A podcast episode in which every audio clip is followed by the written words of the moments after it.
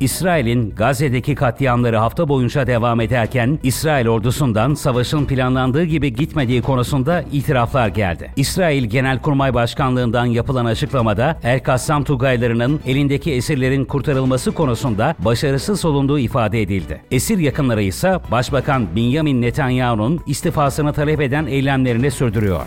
İsrail'in Suriye'nin başkenti Şam'ın çevresine düzenlediği bombardımanda İran Devrim Muhafızları Ordusu Kudüs gücünün Suriye komutanı Seyit Rıza Musavi öldü. Musavi'nin ölümüyle ilgili İran cevap haklarını saklı tutacaklarını açıkladı. İran destekli Yemen Ensarullah hareketi ise cevap hakkını saklı tutmanın cevap vermemek anlamına geldiğini belirterek Tahran yönetimini eleştirdi. Irak Başbakanı Muhammed Şia El Sudani yaptığı açıklamayla Irak'taki Amerikan askerlerinin ve kurumlarının varlığını sonlandırmak istediğini duyurdu. Uzmanlar bir yandan Sudani'nin açıklamalarını Irak'ın bağımsızlığını ve egemenliğini güçlendirme arayışı olarak yorumlarken diğer taraftan da İran'ın Irak'taki etkisini sonlandırmaya dönük herhangi bir açıklama yapmayan Sudani'yi eleştirdiler.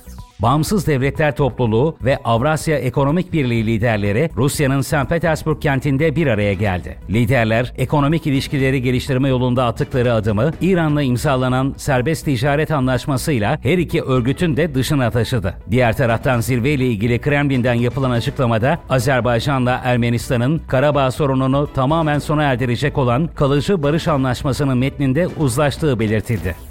Sırbistan'da yerel seçimlere hile karıştırdığı iddiasıyla başlayan protestolar devam ederken Sırbistan Cumhurbaşkanı Aleksandar Vučić göstericilerin Batı tarafından renkli devrim yapmak için kışkırtıldıklarını ve polisin gereken tedbirleri aldığını açıkladı. Meksika, Guatemala sınırında toplanan 10 binden fazla yasa dışı göçmenin ABD'ye doğru yürümeye başlamasının ardından ABD Dışişleri Bakanı Antony Blinken Meksika'yı ziyaret etti. Meksika'da üst düzey temaslarda bulunan Blinken, Meksika hükümetinin yasa dışı göçün önlenmesi konusunda ciddi tedbirler almasını istedi.